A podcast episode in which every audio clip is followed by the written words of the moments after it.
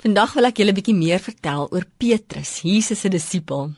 Die rowwe diamant. Ek dink baie van ons kan so identifiseer met ou Petrus. Hy was eintlik maar 'n bietjie impulsief, 'n visserman.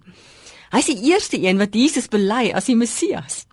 Toe Jesus op die see aangestap gekom het en die disippels doodsbenoud was want hulle het gedink dit is 'n spook en Jesus sê nee, dis ek. Was Petrus die een wat uit die skei uit geklim het en gesê het Jesus, is dit U? Laat my ook op die water loop.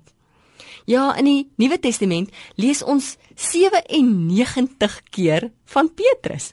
En dis nogal baie hoor want iemand soos Johannes se naam word maar iets soos 11 keer genoem.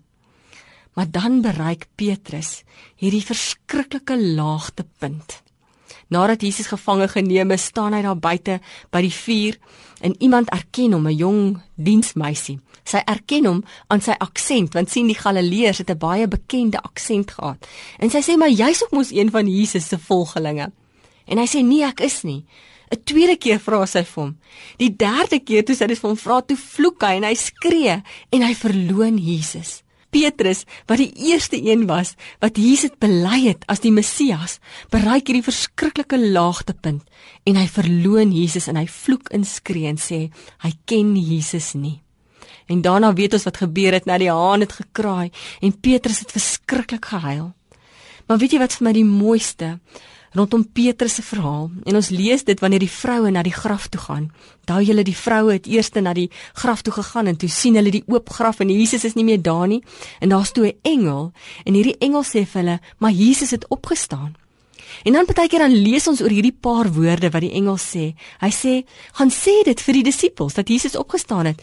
En dan sê hierdie engel, "En gaan sê in die besonder vir Petrus dat Jesus opgestaan het."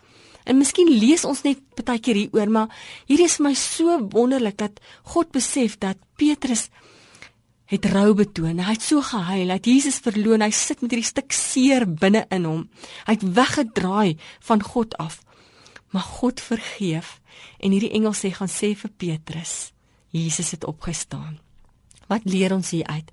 Weet jy op die eind gebruik God vir Petrus en met die uitstorting van die Heilige Gees lei Petrus 3000 mense tot bekering. Ja, God kan enige iemand gebruik in sy diens. Hy slaan met kromstokke reguit houe. Petrus is hierdie rowwe diamant, hierdie impulsiewe man wat Jesus selfs op 'n keer verloon het. Maar God gebruik hom kragtadig in sy koninkryk. Moet nooit sê God kan my nie gebruik nie. God wil jou gebruik in sy diens om sy koninkryk te bou hier op aarde.